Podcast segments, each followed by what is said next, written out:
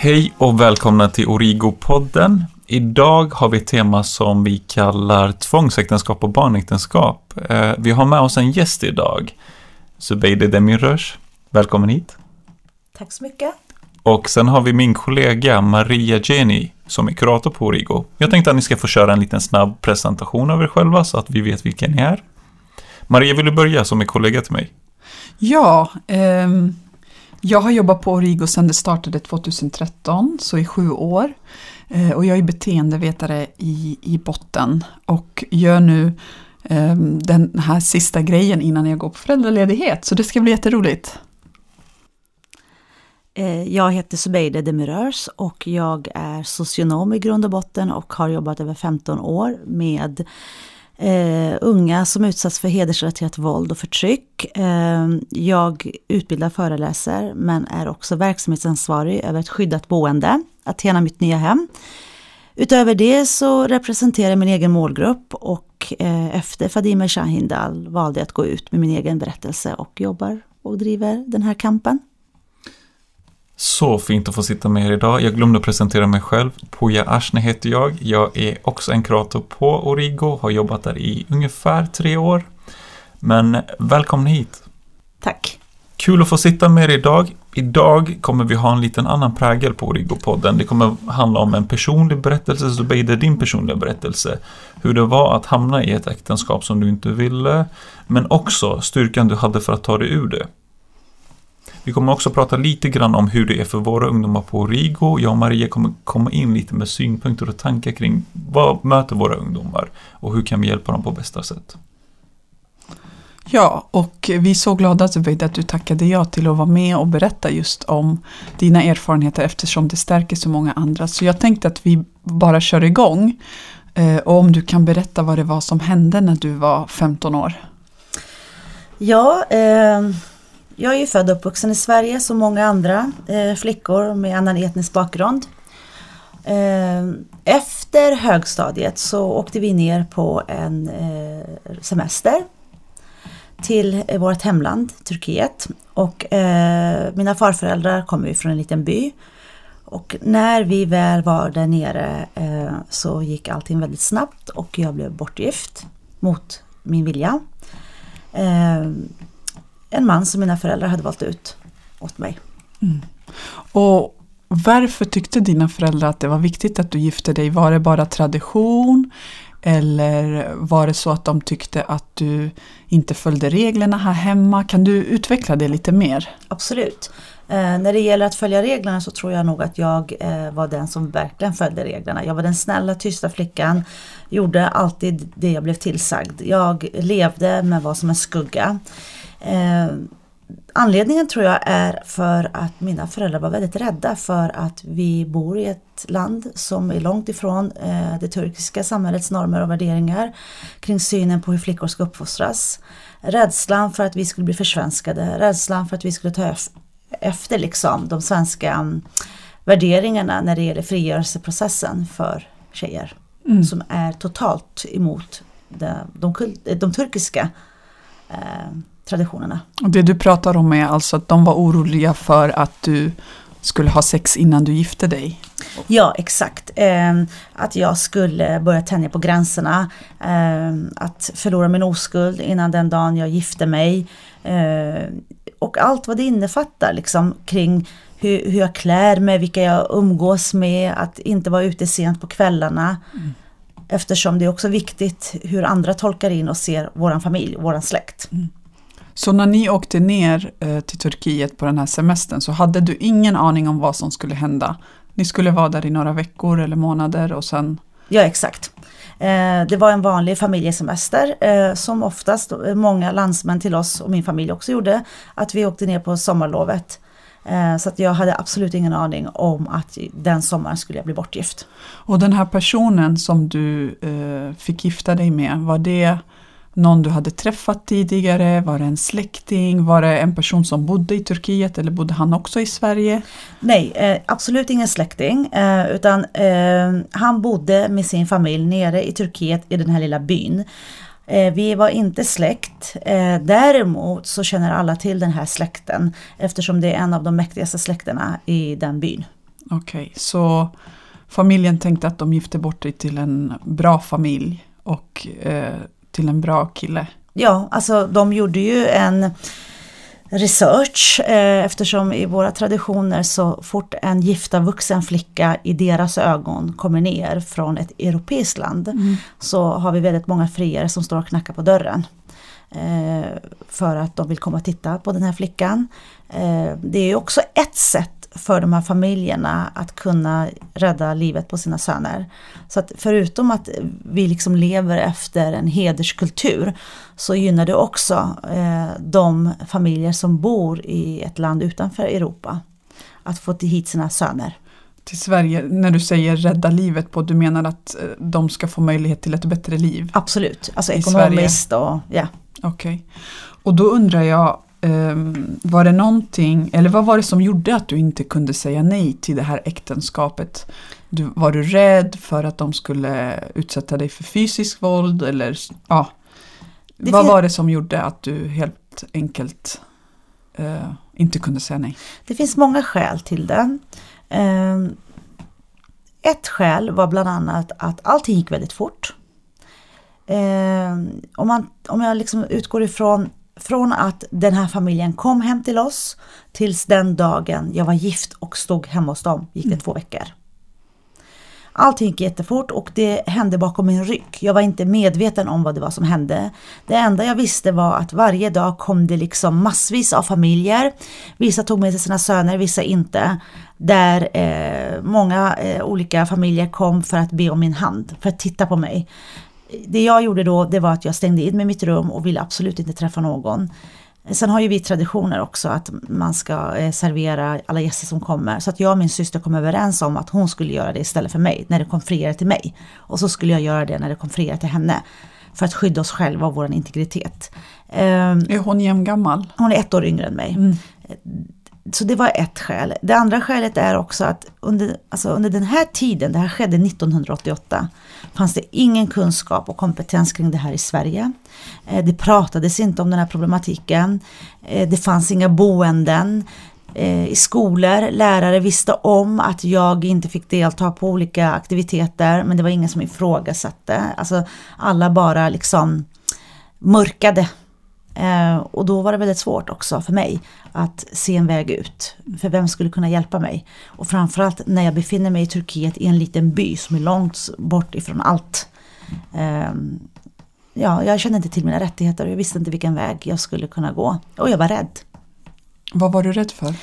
Eh, Jag var rädd för att jag visste inte vad som skulle hända. Jag var rädd för min familj, jag var rädd för min släkt.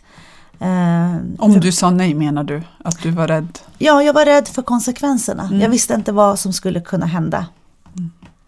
Och, men det, låter, det du beskriver låter ju ändå som att du inte ville gifta dig. Men pratade dina föräldrar li, liksom eh, om att så här, men vi har ett rykte att tänka på, skäm inte ut oss nu. Eh, liksom lite mer det här skuld och skambeläggande som, som ändå pressar många av de ungdomar som vi möter på Origo. Jag kan säga att det är bara skuld och skambeläggande. Hela tiden, konstant. Från den dagen vi föds tills den dagen vi blir bortgifta. Eh, och så var det i mitt fall också. Och eh, efter att min familj hade valt ut av alla de här personerna som kom eh, så hade de en kväll Eh, sagt åt oss att vi skulle låsa dörren och inte öppna om det kom någon. Och de var borta och morgonen därpå eh, fick jag veta att de hade förlovat mig med den här mannen.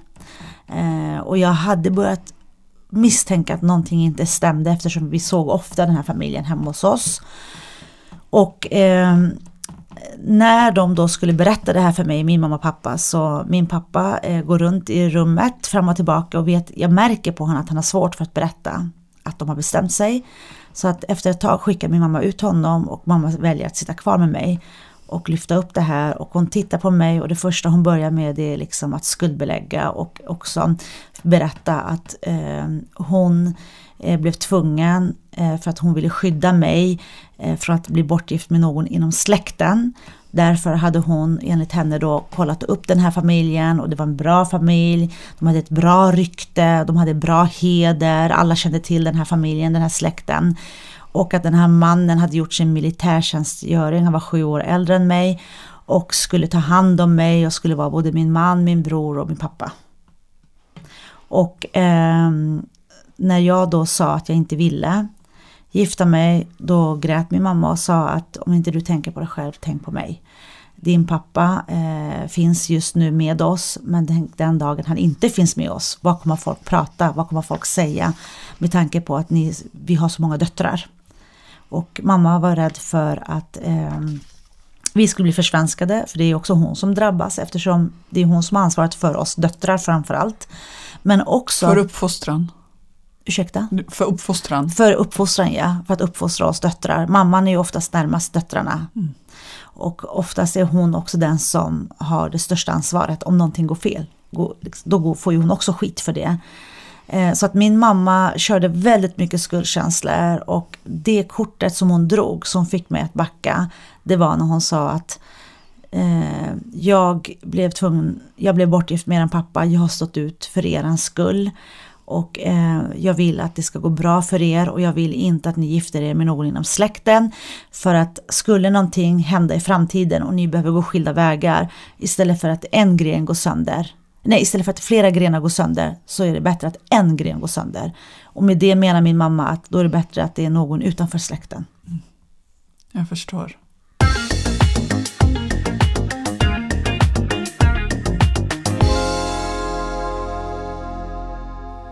Maria, jag, jag, tänker att vi på Origo träffar väldigt många unga som också riskerar att bli utsatta för tvångsäktenskap eller barnäktenskap överlag. Och vi träffar ungdomar som har egna riskfaktorer och skyddsfaktorer. När du träffar ungdomar som eventuellt kan bli bortgifta, vilka sorters riskfaktorer ser du hos dem som gör att de är mer sårbara för att bli tvingade in i äktenskap? Riskfaktorerna som jag ser det kan vara att man eh, kanske inte har ett starkt socialt skyddsnät. Alltså man, man har inte mycket vänner, man har varit väldigt isolerad eller kontrollerad. Eh, man kanske eh, nyligen har flyttat till Sverige så man har inte språket, man känner inte till det svenska samhället. Sen kan det också handla om personliga egenskaper. Vi, vi alla föds olika eller föds med, med vissa egenskaper och eh, en del personer har bara eh, en viss styrka och mod att, att ifrågasätta eh, medan andra eh, följer strömmen. Eh, så det kan handla om sådana saker eller så kan det handla om yttre faktorer som att en lärare till exempel uppmärksammar och backar upp och vägleder vidare till, till rätt stöd. Ehm, du får gärna komplettera. Mm. Jag tänker att vi möter väldigt många ungdomar som är extremt isolerade och beroende av sina föräldrar. Då pratar vi socialt, vi pratar ekonomiskt, för boende.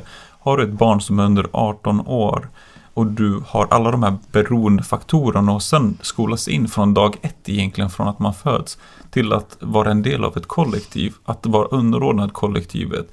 När man väl kommer upp i åldrarna 15, 16, 17, till och med 18 år, då har man inte fått vara subjekt i sitt eget liv alls. Man har inte fått vara självständig, utan det är andra som tar besluten åt mig. Det är andra som tar besluten åt hela familjen. Att sen kunna säga nej i det läget, du är beroende ekonomiskt, du är beroende boendemässigt. Vad är alternativet? Vad är andra sidan av det? Precis. Och sen tänker jag också att det handlar om när det här tvånget kommer. Är det när man är under 18 eller när man är närmare 18 eller efter?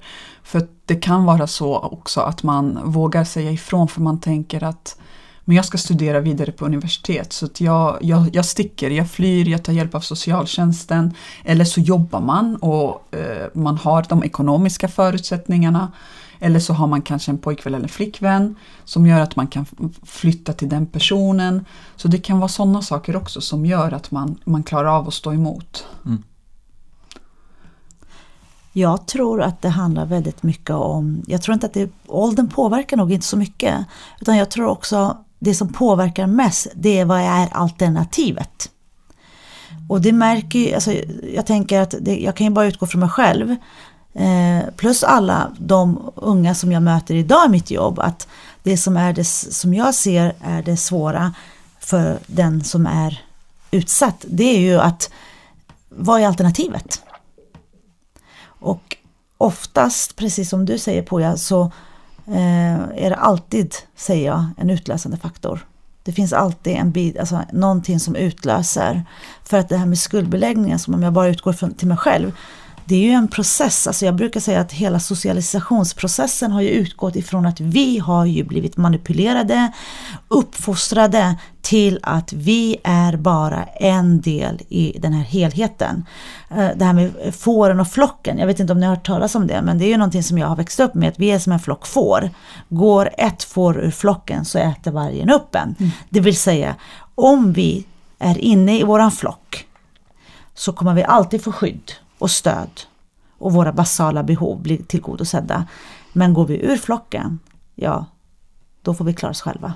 Det är en jättebra liknelse och jag tänker när du pratar då om vad är alternativet, då menar du att det lockar inte heller ungdomarna att om inte jag gifter mig till exempel med den här personen som de tvingar mig att gifta mig med så behöver jag istället lämna hela min familj och aldrig mer få träffa dem för de kommer inte acceptera det, de kommer bli arga på mig, de kanske till och med vill skada mig eller mörda mig. Och det är inget alternativ. Exakt. Och det är väl det som är det största problemet. Jag tänker som i mitt fall, Ehm, även om samhället kanske hade funnits, även om samhället hade funnits där med insatser så krävs det också otroligt en styrka och ett mod av att våga ta det här steget ut. För priset du får betala är mycket högre kanske än friheten. Jag tänker just på det här, vi kommer ha lyssnare nu som själva inte har vuxit upp med ett kollektiv, som inte har vuxit upp med hedersnormer. Och då finns det väldigt många som ser de negativa sidorna i kollektivet. Men finns det några positiva aspekter av att vara en del av flocken? Vad är det? Vi pratade, du pratade lite om skydd och att någon alltid kommer ta hand om dig. Vad är det som gör att man stannar kvar i flocken? Förutom... Oj, det finns så mycket bra saker och det är också viktigt att vi förstår det här i Sverige och inte bara ser det svart och vitt. För det här kollektivet, det finns väldigt mycket positiva inslag. Det är gemenskapen, det är kulturen, matkulturen, musiken, allting som man växer upp med eh, sen barnsben. Traditioner, alla traditioner är inte dåliga. Det finns väldigt bra traditioner. Respekten för de äldre, men framförallt liksom den här gemensamheten, den här sociala eh, sammanhållningen. Till skillnad från om vi tittar på det svenska samhället, det individualistiska, där är det så mycket liksom där alla människor är egna individer, att man har tappat lite det här med betydelsen av hur viktigt det är att ha en familj, en släkt, ett, en stor eh, gemenskap. Men man behöver aldrig vara ensam, man har alltid en familj, en grupp släktingar som bidrar till väldigt mycket kärlek och stöd och glädje. Eh, och också i, i svåra tider. Absolut. Eh, väldigt mycket liksom, ja, stöd. Eh, och det tänker jag att vi missar. Och det kan också vara så att vissa ungdomar som senare i livet blir kanske utsatta för våld eller tvång kan ha växt upp med väldigt mycket kärlek eh, och att det bara, det här våldet uppstår när man bryter mot en viss norm. Så att när man lämnar så lämnar man också mycket positivt och mycket glädje och det är det som blir det svåra för de här ungdomarna.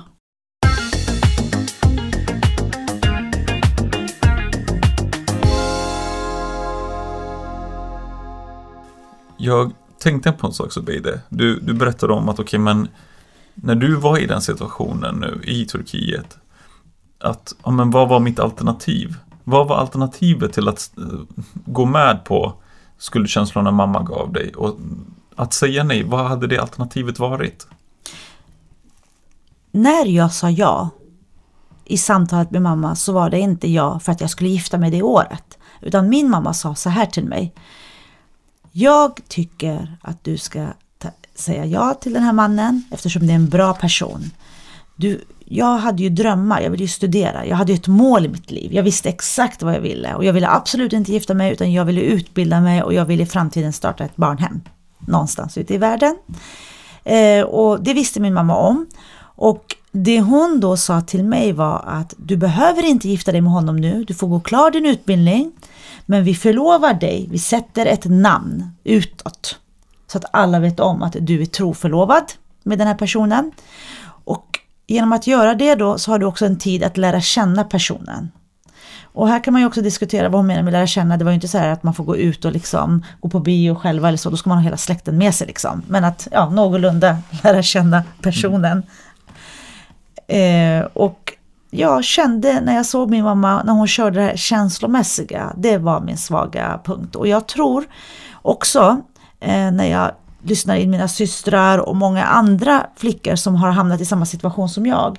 Att det som tar på oss mest det är ju liksom mamma och våra systrar. Och det är där liksom förnuftet inte längre tänker. Det är vår svaga punkt. Det är vår svaga punkt. Så du, ni gifte er inte den sommaren? Utan, jo, det ja, gjorde vi. Men det gjorde ni, okej. Okay. Ja, så att förutsättningen var att vi skulle vara förlovade i två år. Eh, men Sen hände det lite saker där pappas släkt och mammas släkt började skapa problem och konflikter med mina föräldrar för de ansåg att de hade gjort ett fel val genom att ta in en främmande man som inte var släkt. Eftersom det fanns redan massvis av killar i pappas släkt och i mammas släkt som ville gifta sig med mig och vägen till Sverige. Så enkelt är det. Mm. Om du fick eh, beskriva vilken hjälp du hade velat få. Hur ser den hjälpen ut? Ja, alltså först och främst med facit i hand. Och det här är någonting jag har jobbat mycket med mig själv. Eh, en frustration, en besvikelse över det svenska systemet, samhället. Om vi börjar med innan jag åkte ner dit till Turkiet. Eh, om man tittar på min högstadieperiod.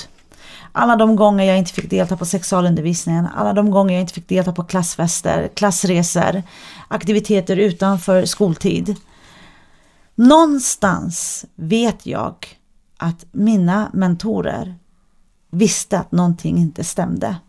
Framförallt när, mina, när min pappa och mina farbröder dök upp på skolan eh, och kontrollerade oss. E-, efter många år i samband med att jag började gå ut i media och jobba med de här frågorna så en dag för ett x antal år sedan träffade jag min klassmentor i centrum som kommer fram till mig och säger till mig att eh, Subeide, jag är så stolt över dig eh, för det du jobbar med och den kampen du driver. Både jag och din andra mentor, vi förstod att det var någonting som inte stämde. Men vi vågade inte fråga för att vi visste inte så mycket om det här och vi ville inte lägga oss i. Då tittade jag på henne och bara kände tack, men du svek mig. Och sa du det till henne? Ja, det gjorde jag. Och jag måste ändå säga att det är precis så jag känner att samhället har svikit mig. Eh, och alla andra flickor eh, som har fått gå igenom det här. Nu har det blivit bättre men om man tittar på 1988, det var långt innan Fadime Shahindal, det var långt innan Pela. Problemet föddes inte med Fadime och Pela, det fanns. Och jag kommer ihåg alla de gånger jag knackade på socialtjänstens dörr när jag var tvungen att gå in som ett litet barn och tolka åt kvinnor då som också var utsatta för det här. Hur socialtjänsten liksom bara gjorde det väldigt enkelt för sig och ville inte lyssna på de här kvinnorna som kom med sina blåmärken. Eh, genom att de gjorde det väldigt enkelt för sig. Att vi lever i Sverige, du har dina rättigheter, lämna din man. Men sen då? Och det är precis samma sak idag. Sen då? Och det är det jag menar med alternativet. Finns det inget samhälle som tar ansvar och verkligen förstår problematiken. Och, och, jag kan ju säga nu som själv är ute och utbildar, det handlar inte bara om att läsa sig till utifrån en manual, utan verkligen förstå. Vad innebär det? Hur ser de inre strukturerna ut i en sån här familj?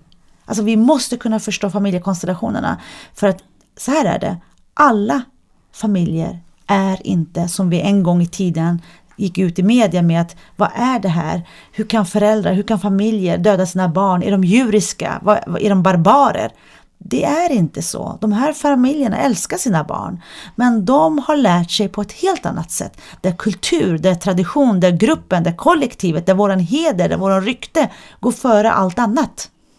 Men fortfarande finns det kärlek. Mm. Och det visar ju också sig när jag blev tvungen att tacka ja, eller säga ja för att inte göra min mamma ledsen. För jag har sett en mamma som har levt med en pappa, hon blev i sin tur bortgift. Hon har haft ett mycket tuffare liv och hon har inget nätverk. Medan jag har vuxit upp i Sverige, jag har ändå ett alternativ. Vilket jag inte såg då, men idag ser jag det. Och det här måste vi börja förstå. Att när vi behöver gå in och hjälpa de här flickorna så handlar det inte bara om att ta dem och placera dem på ett något boende. Det är ju tiden efter. Det är vad vi går in med. Jag tänker att det här är superintressant det du pratar om, för både den tiden innan Fadime och Pela, där såg man den här frågan som att okay, men det är en del av deras kultur. I Sverige så pratar man om det, det är en del av deras kultur, därför får vi acceptera det som en del av deras kultur. Och man, då gick man inte in med större insatser. Och det under de åren som har gått har skiftat ganska mycket till att nu pratar man om att det här är inte okej okay kulturellt, så då behöver vi splitta dem från sin familj ganska fort. Så det är svart eller vitt man hela tiden ser den här frågan. Och jag tänker att vi på Origo pratar ganska mycket om långsiktigheten i arbetet med människor som är utsatta för hedersvåld, hedersförtryck, men också har levt med hedersnormer hela tiden och hela sitt liv. Att precis som du säger Zubeide, att det räcker inte med att placera på ett skyddat boende och tänka att okej, okay, nu är faran över, nu kommer allting bli bra. Vad tänker ni att man behöver mer av? När vi tänker långsiktigt arbete. Alltså jag tänker så här, om jag bara utgår från, många gånger får jag frågan, men hur lyckades det gå så bra för dig? Hur lyckades du ta dig ur? Och mina systrar. Det är ju tack vare för att vi har levt i ett område där vi inte haft så mycket släkt. Vi har inte haft så mycket landsmän, vi har inte haft de här vakande ögonen. Hänger så du med? Så du pratar om segregationen, att den förstärker eh, det här förtrycket eller vidmakthåller det? Absolut. Ja. Och jag vill bara också då, när jag ändå diskuterar, eller när jag ändå lyfter upp det här med facit i hand, en frågeställning som jag börjat lyfta upp allt mer som professionell, yrkesverksam. Och det här vill jag liksom skicka med till samhället, till våra politiker och alla yrkesgrupper. Hur kan man placera en ungdom med sol och problematiken är heder? Det går inte ihop med matematik. Nej.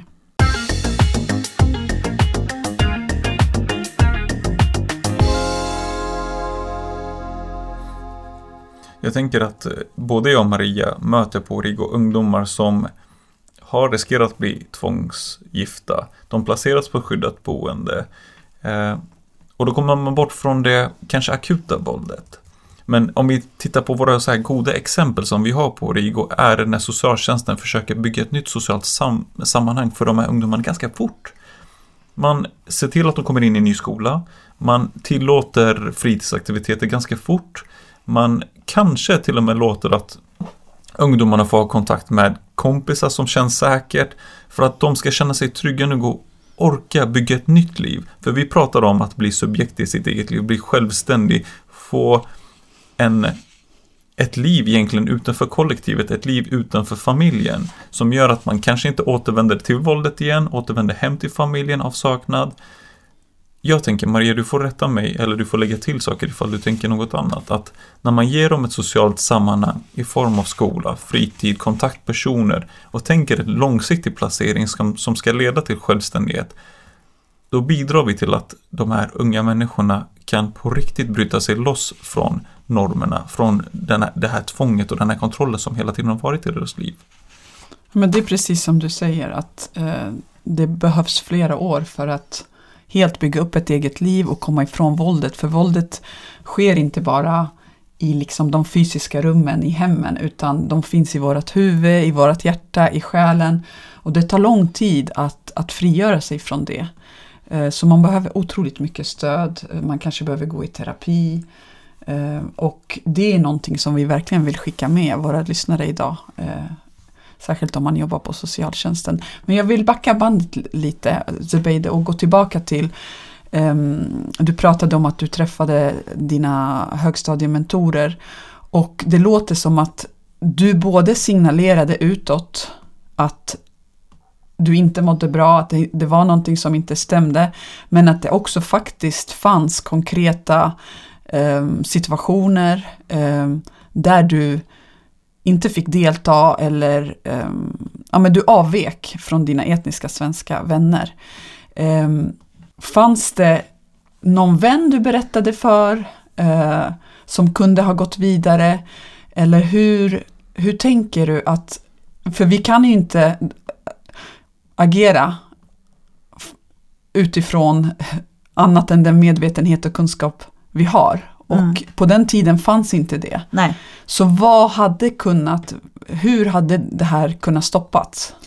Ja, alltså jag tänker så här att kun, utifrån kunskapsnivån, att den inte fanns, den kan jag förstå. Men utifrån rädslan för att bli kallad för rasist, den köper inte jag. Av den anledningen, för att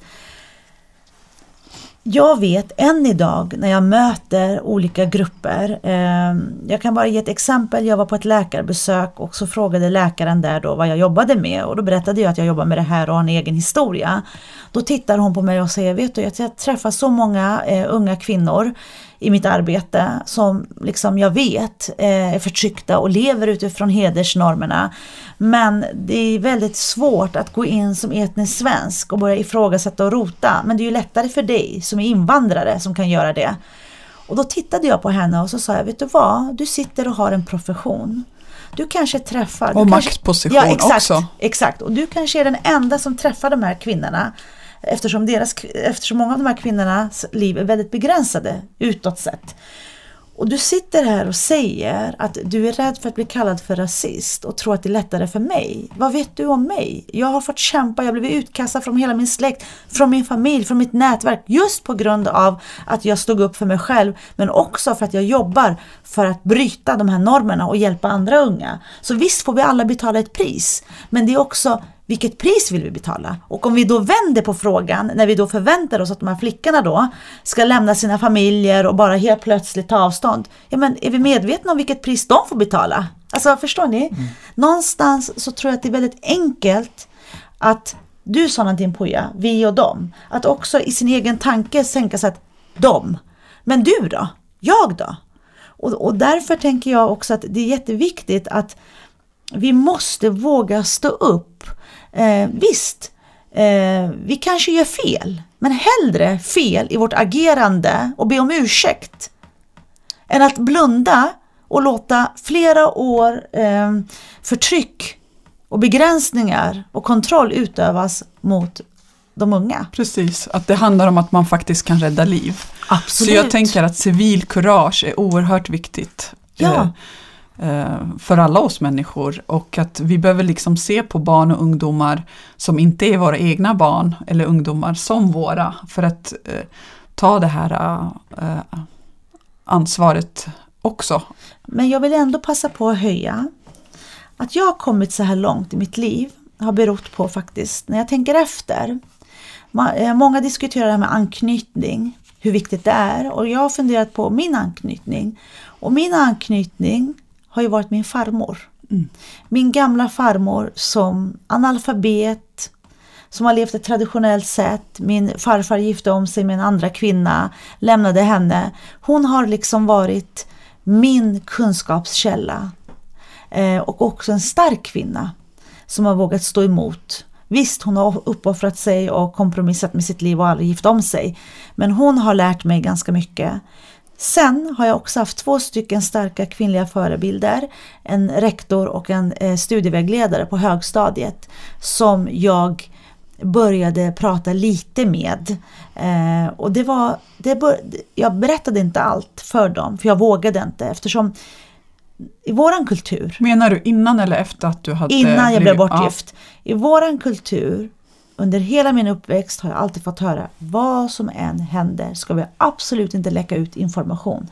Psykologer, lärare, socialtjänsten är verkligen tabu. Allt är ett hot. De är ett hot och det enda de vill är att gå in i familjer, ta familj, barn från deras familjer och skapa problem.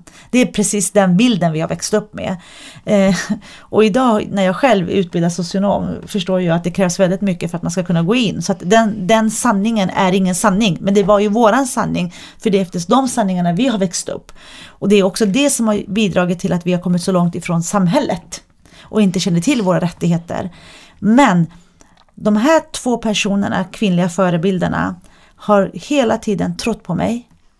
Och min rektor har också varit den som har hjälpt mig att efter att jag blev bortgift, våra vägar korsades igen. För jag träffade henne på grundskolan, hon var min rektor, men då hade vi inte så mycket kontakt. Men sen på komvux fanns hon där och hon är den som vet nästan allt om mig och har stöttat mig och hjälpt mig att få kunna utbilda mig trots att jag var gift med eh, lön. Fantastiskt. Ja. Och det här visar ju på lite det som eh, Poja tog upp med skyddsfaktorer, att ibland kan det räcka med att man har en person som finns vid en sida eller stöttar en för att man, man ska liksom kunna gå vidare eller förändra någonting i sin nuvarande svåra situation. Men sen vill jag också säga, eftersom jag vet att det är många unga som kommer att lyssna. Eh, hoppet är det sista som överger människokroppen. Och jag kan säga så här, om jag bara utgår från mig själv. Mitt hopp var mina drömmar.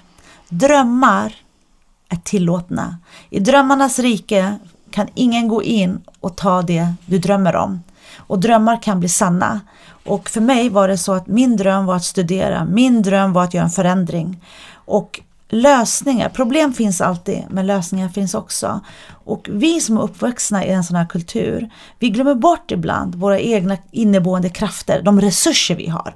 Alltså vi är så smarta. Om vi bara stannar upp och tänker utifrån förnuftet och inte bara känslorna, så jag brukar kalla det för vårt strategitänk, att tänka tio steg framåt. Att klara av att leva i två olika normsystem, det individualistiska och det kollektivistiska som jag kallar det för. Alltså, det vill säga, om man nu ska liksom säga hederskulturen och det svenska då. Oftast ungdomar har lättare för att identifiera när man pratar i de termerna, ja. utan att det blir teoretiskt. Um, så har man klarat av att leva i bägge kulturerna klarar vi också av mycket. Och det är det som är det viktiga att se eh, och förstå. Och brukar... Man blir väldigt duktig på att läsa av sociala koder och anpassa sig och navigera genom olika situationer och Absolut. möta människor från olika samhällen eller kulturer. Absolut, och jag tänker bara om man tänker så här eh, det här med att läsa av sa du Maria, det är någonting som är jätteviktigt och det tänker jag också att vi ska liksom ta med oss. Att det verbala språket är inte alltid det enda sättet att kommunicera utan det icke-verbala, det jag ser, det jag känner. För att i sådana här kulturer, i min familj och många andra familjer, säger vi inte alltid vad vi vill, utan det är oftast metaforer, ordspråk och det är också väldigt mycket indirekta uttalanden.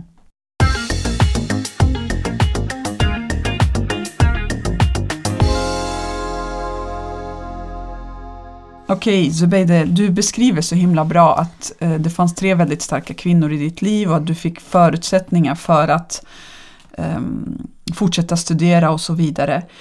Det jag undrar, eh, för jag vet att du fick två barn med den här mannen. Eh, jag vet inte hur länge ni var gifta men så småningom så tog du dig ur det här äktenskapet. Ehm, och jag undrar vad var det som gjorde att du klarade av att skilja dig? För det är också någonting som är tabu i en hederskontext.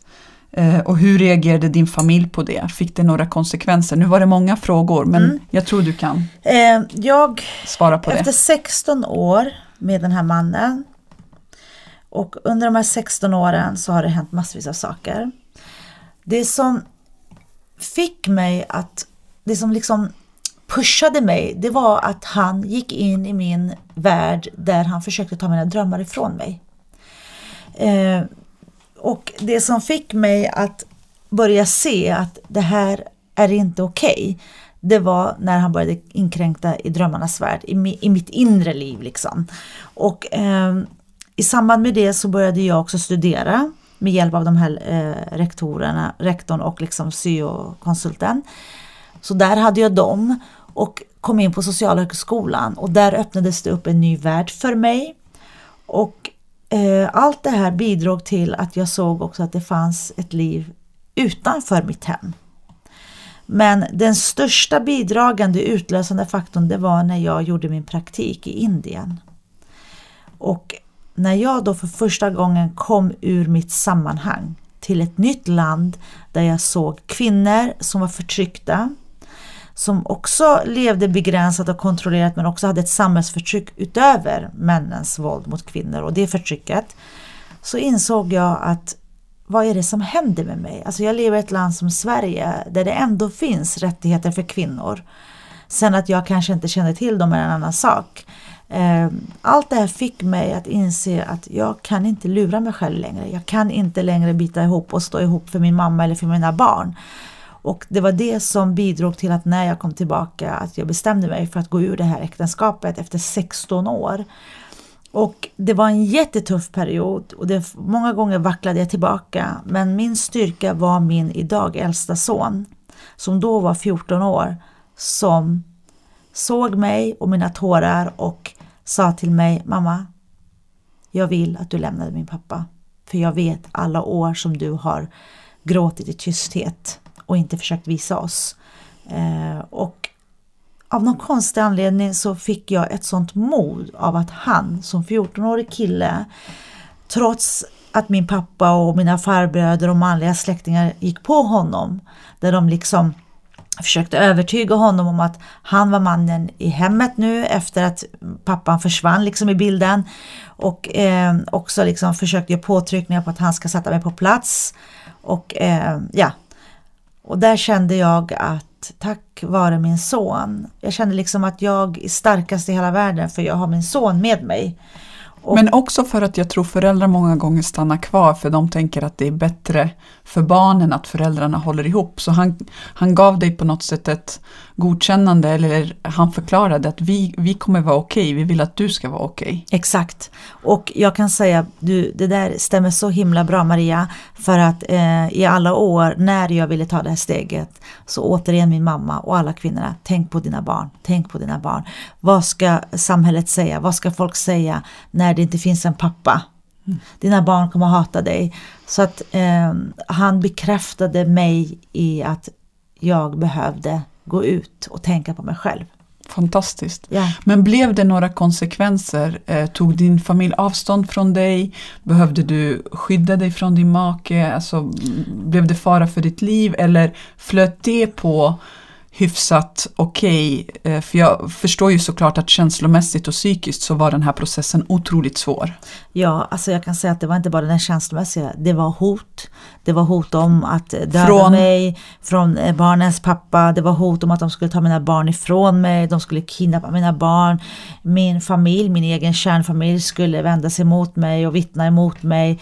Allt för att jag skulle stanna kvar med den här mannen. Allt på grund av våran heder. Allt skulle se bra ut utåt. Ryktet. Eh, och priset då jag skulle få betala var att jag kunde bli av med mina barn. Och jag var rädd. Jag var rädd. Jag var så rädd att jag låste in mig hemma.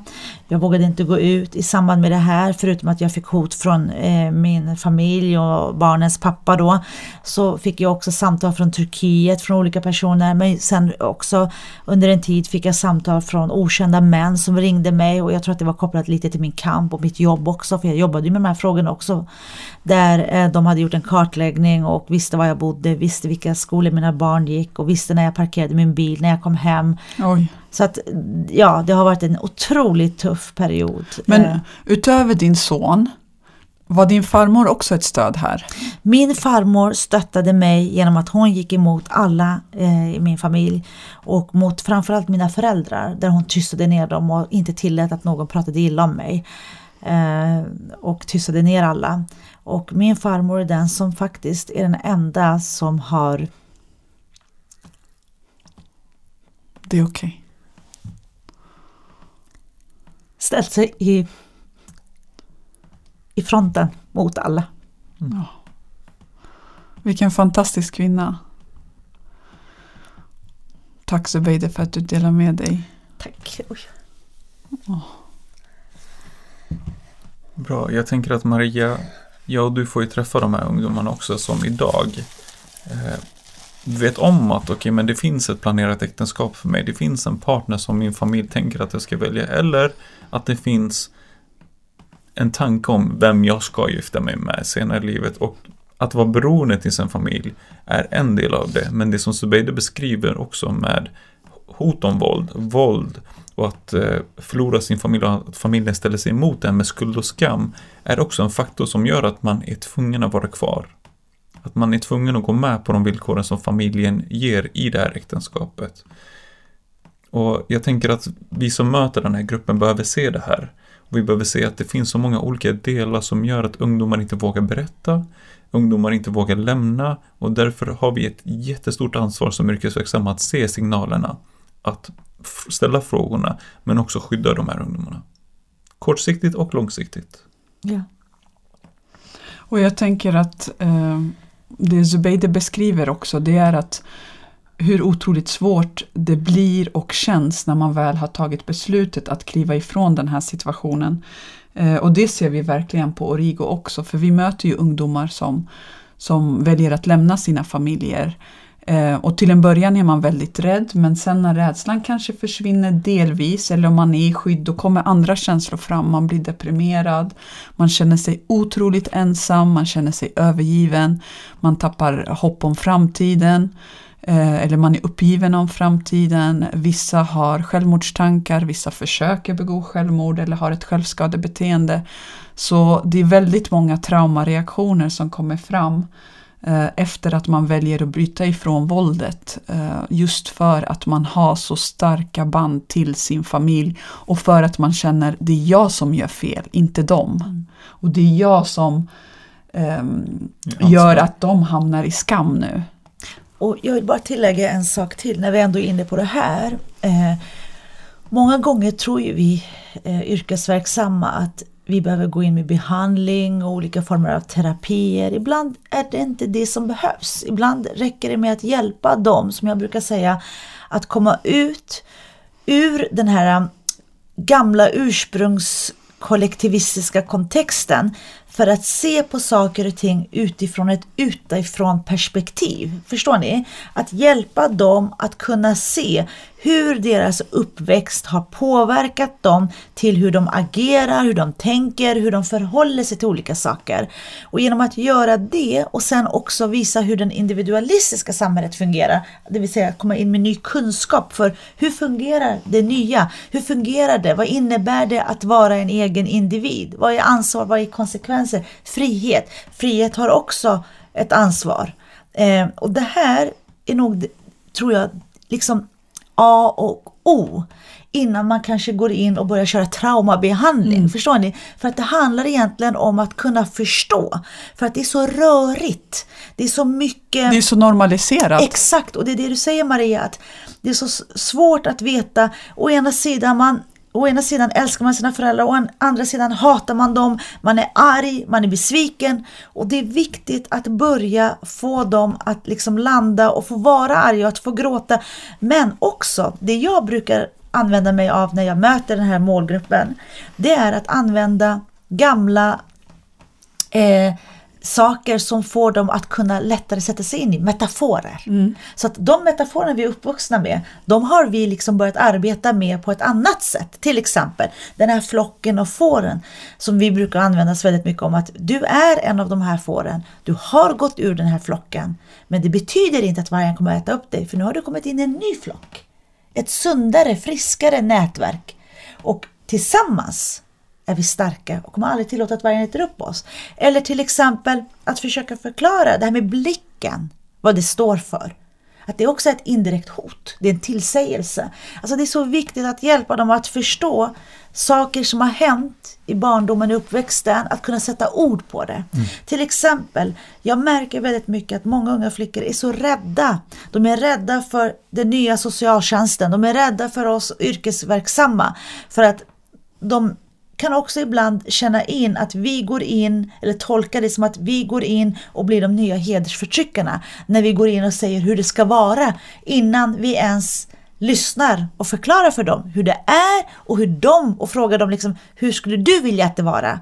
Alltså det är viktigt att också vi ser och hjälper dem till att bli aktörer i sina egna liv. Precis som du sa eh, så är det väldigt viktigt att få prata om det man har varit med om. Och där vill jag lyfta Origo och, och säga till alla ungdomar att eh, ni kan vända er till oss för att ha de här samtalen. Ni kan komma, vi hjälper er sätta ord på våldet, på det ni har varit med om, eran sorg, eran saknad. Vi pratar om det som har normaliserats, hur det är att leva mellan två världar. Eh, men också skapa förståelse för ehm, våra föräldrar eller era föräldrar, att de kommer från en annan generation, andra sorters samhällen. Och att de själva har blivit socialiserade in i ett normsystem. Eh, och ibland inte kan göra andra val. För att um, förståelse och acceptans och förlåtelse så småningom är ju ändå det som gör att vi läker eh, och helas från, ehm, från våldet som vi har varit med om. Så tveka inte att höra av er till Origo. Och jag vill bara sluta också med att säga att um, det är skönt att veta, även om vi har väldigt mycket kvar att göra här i Sverige, att det är ändå mycket som har hänt sedan 1988. Eh, att vi aktivt jobbar med, mot hedersrelaterat förtryck och våld. Det finns en annan medvetenhet, väldigt många krafter. Det har tillkommit flera olika lagar eh, mot tvångsäktenskap, barnäktenskap och nu det sista eh, har vi ett utreseförbud som också har kommit. Så det känns väldigt, väldigt skönt att veta även om vi har väldigt, väldigt mycket kvar att göra.